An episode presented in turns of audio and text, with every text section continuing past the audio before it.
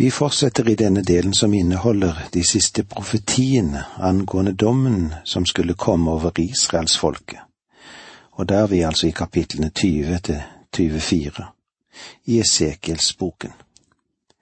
I begynnelsen var Esekiel sitt budskap rettet mot de to første gruppene som var ført til fangenskap.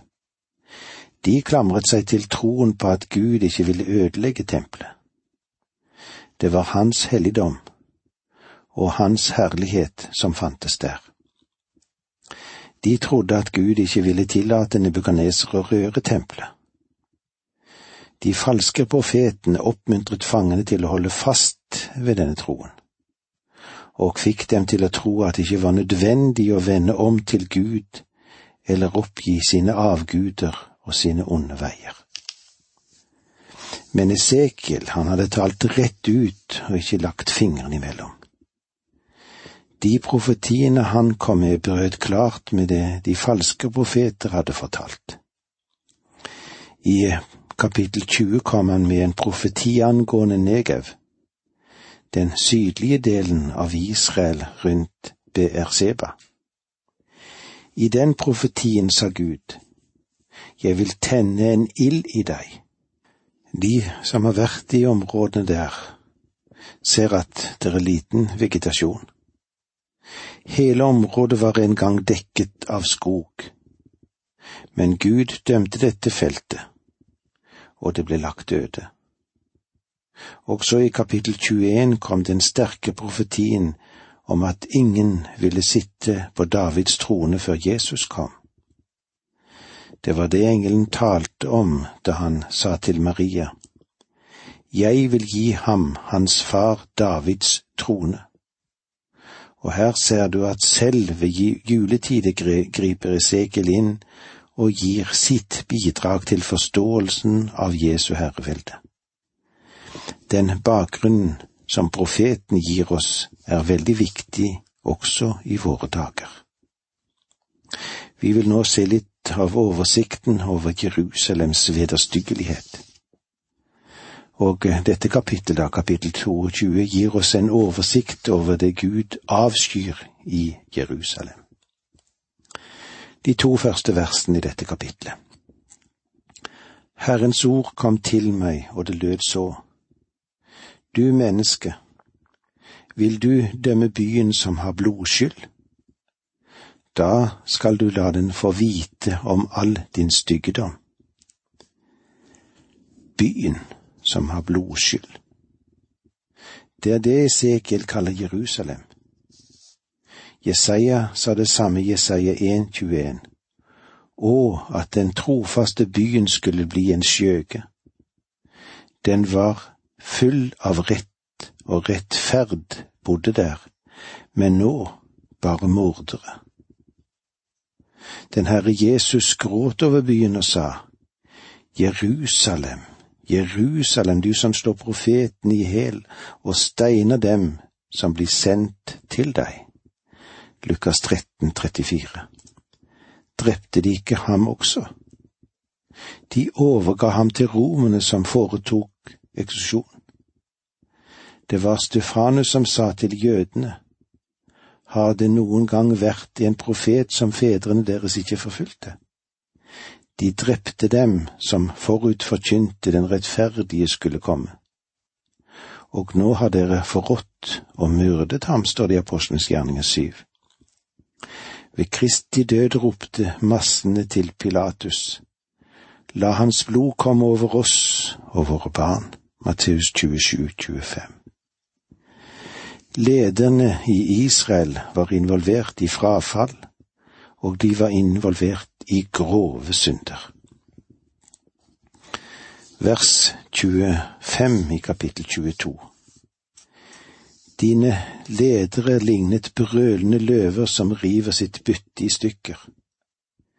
De slukte mennesker, tok rikdom og kostbarheter og gjorde mange i landet til enker. Det første vi vil se på her, er at de falske profetene sa Alt er bra, vi har hyggelige tider. Vers 26 Presten der gjorde vold på min lov og vanhelliget mine helligdommer. De gjorde ikke forskjell på det som var hellig og det som ikke er hellig, og lærte ikke folk å skille mellom urent og rent. De lukket øynene for mine hviledager, slik ble jeg vanhelliget iblant dem. Det andre er altså at prestene forbrøt seg mot Guds lov. Vers 27 Stormennene i land lignet ulver som river sitt bytte i stykker. De lot blodet flyte og tok menneskeliv for å skaffe seg urettmessig vinning. Det tredje punktet som er viktig å ha med her, folkets stormenn var som ulver som river sitt bytte i stykker. Paulus har advart menigheten mot ulver i fåreklær, det kan du se i Apostlenes gjerninger 2029 og de finnes nok i Kristi menighet fremdeles. Hvorfor ble Jerusalem kalt byen med blodskyld? På grunn av profetene, prestene og stormennene. Vers 30 og 31 Jeg lette blant dem etter en mann som kunne tjene meg ved å bygge opp muren og stille seg revnende til forsvar av landet, så det ikke skulle bli ødelagt. Men jeg fant ikke noen. Så lot jeg min vrede gå ut over dem, gjorde ende på dem med min brennende harme. Jeg lot deres gjerninger ramme dem selv, lyder ordet fra Herren Gud. Det var ikke en eneste i landet som kunne stå i gapet for Herrens åsyn. Men jeg takker Gud for at han fant en som kunne stå mellom min synd og den hellige Gud. Og denne mannen er den Herre Jesus Kristus, og Gud ser dem som tilhører ham i Kristus. Jeg er takknemlig for dem som står i gapet i dag. Vi går nå videre inn i kapittel 23. Her går Esekiel igjen ut med en lignelse som kan virke noe merkelig for mange. Det er lignelsen om de to søstrene. Den ene hadde navnet Ohola, og den andre hadde navnet Oholiba. Jeg tror at da han begynte å fortelle denne lignelsen, var det ganske mange som lo litt foraktelig og sa, hvor i all verden vil denne karen hen med en slik utrolig historie? Vers 1 i kapittel 23 Herrens ord kom til meg, og det lød så. Det var ikke Esekiel som hadde diktet opp denne historien. Gud ga ham dette budskapet. Versene to og tre. Menneske, det var to kvinner, døtre av en og samme mor. De levde utuktig i sin ungdom, de drev hor i Egypt.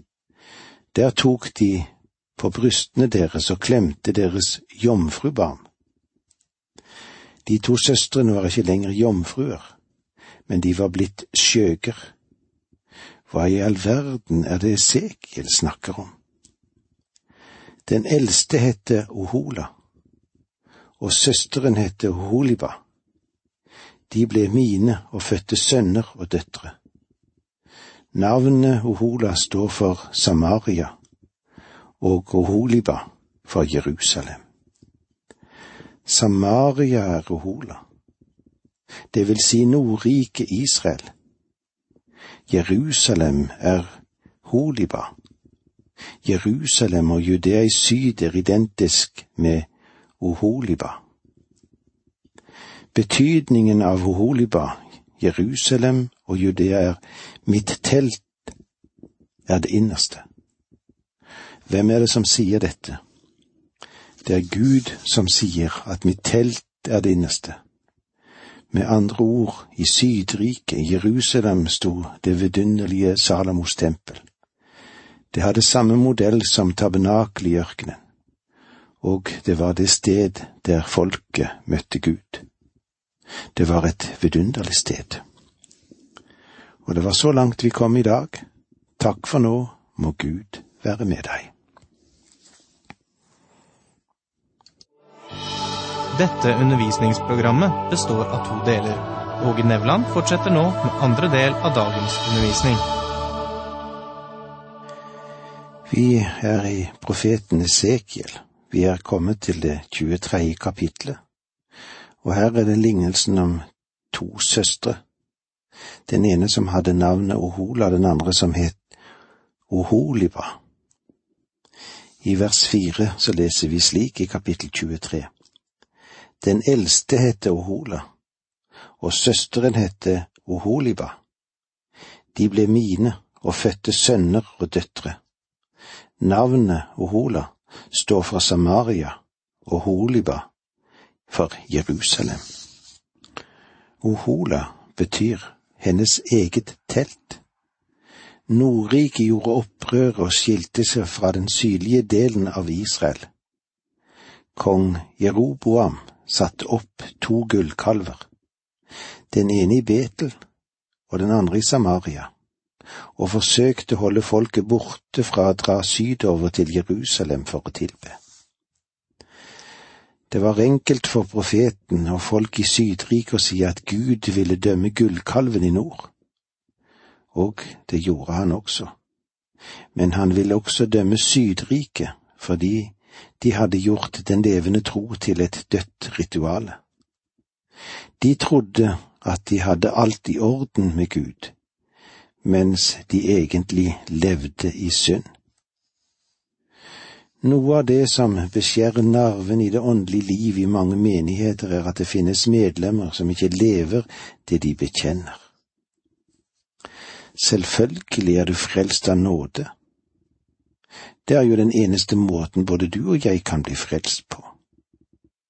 Om Gud ikke frelser ved nåde, vil jeg og andre ikke bli frelst.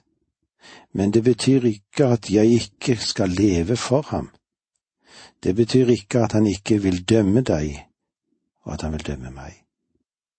Det betyr ikke at våre liv ikke kan kvele den åndelige utviklingen i en menighet. Vårt liv er ikke betydningsløst. Vi kan løfte en menighets åndelige situasjon, og vi kan også kjøle den ned, ja, vi kan kjøle ned det åndelige livet i en menighet. I kapittel 23 vers 12 leser vi Hun lengtet etter asyrene, stattholdere og styresmenn som kom til henne i prektige klær, ryttere høyt til hest, staute unge menn, alle sammen. Dette henviser til en historisk situasjon som fant sted da kong Akas satt på tronen i Nordriket. Han dro opp til Damaskus for å møte Tiglat Pileser, kongen i Asyria, og der så han et alter som var det vakreste alter han noen gang hadde sett. Så han sendte presten Uria for å ta mønster av det alteret for å lage et lignende. Det kan du lese om i annen kongebok kapittel 16 vers 10 til 18. Han ønsket å forbedre gudstjenesten, forstår du. Han trodde det kunne skje hvis han bare fikk et nytt alter. Men Gud merket seg dette, og han dømte Nordriket for det. Nå er babylonerne i ferd med å invadere Sydriket. Det finnes ikke noe alternativ. Gud dømmer både Nord- og Sydriket fordi de har vendt seg fra den levende og sanne Gud. Den ene vendte seg i stolt trass til avguden, og den andre lot som han tilba Herren. Det er bra for alt Guds folk at vi stopper opp for Paulus sin advarsel. Den finner du i annen Korinterbrev, trettende kapittel vers fem. Ransak dere selv om dere er i troen. Noen kan vel si, tror du ikke på at den troende er trygg? Jo, det gjør jeg, men jeg tror også på den store utryggheten for dem som bare later som om de er troende. Vi må granske oss selv. Når du går til kirke, gjør du det for å tilbe Gud, eller hva gjør du? Holder du deg nær til Jesus Kristus? Elsker du ham? Han ønsker i første rekke ikke din tjeneste, men han ønsker deg selv. I Johannes 21 så spurte han Peter, Elsker du meg? Når Peter sa at han gjorde det, så sa Herren, Fø mine får. Bare da kunne han bruke ham. Nå vil vi se litt om lignelsen om den kokende gryten, og da er vi kommet til kapittel 24, og her møter vi altså denne mektige lignelsen, den som òg skjer når Esekiel får dødsbudskapet om sin hustru. Gud ville bruke begge disse tingene til å tale til folket. Nå går vi da inn i kapittel 24, og vi leser i de to første versene. Herrens ord kom til meg i det niende året, på den tiende dagen i den tiende måneden, og det lød så. Menneske, skriv opp for deg selv navnet på denne dagen. For nettopp i dag har babylonerkongen gått til angrep på Jerusalem. Dette er første gangen Esekiel knytter sitt budskap til en bestemt dato. Akkurat da brøt Nebukaneser igjennom Jerusalems mur. Da var det ikke noe fjernsyn som var på plassen, og ikke noe nyhetstjeneste så Esekiel kunne vite hva som hendte. Det var heller ikke noen satellittkommunikasjon som kunne formidle budskapet fra Jerusalem til Babylon. Den eneste måten han kunne få dette budskapet på, var at Gud åpenbarte den for ham. Liberalere har alltid hatt problemer med disse versene. Gud ga ham et syn, og det er det selvfølgelig mange som ikke vil anerkjenne. Vers seks Så sier Herren Gud, ved den blodige byen, gryten som har rystet og som når rysten ikke går av. Ta stykke for stykke ut av den, uten at noen kaster lodd om dem. Igjen blir Jerusalem kalt den blodige byen. Her finnes en gryte, og det er noe i den. Gryten er Jerusalem, og innbyggerne er i denne gryten. Deres synd er rysten som finnes i gryten. Din synd og min synd kan sammenlignes med jordens rust. Lytt nøye. Vi er alle i den samme gryte. Jerusalems gryte er bare et uttrykk for slike som slik verden er også i dag. Dette ordet for rust kan også oversettes med aveskum det som skummes av og må fjernes fra det øvrige. Det er et sterkt uttrykk når Herren sier at vi er jordens avskum. Sterkere enn det går det vel ikke an å si det. Vers 15 og 16 Herrens ord kom til meg, og det lød så. Menneske, se, ved en brå død tar jeg dine øynes lyst og glede fra deg men du skal ikke klage og gråte og ikke felle tårer. Av fremstillingene virker det som profeten har giftet seg med en vakker, ung israelittisk kvinne, og de elsket hverandre. Men der i fangenskapet ble hun syk og døde.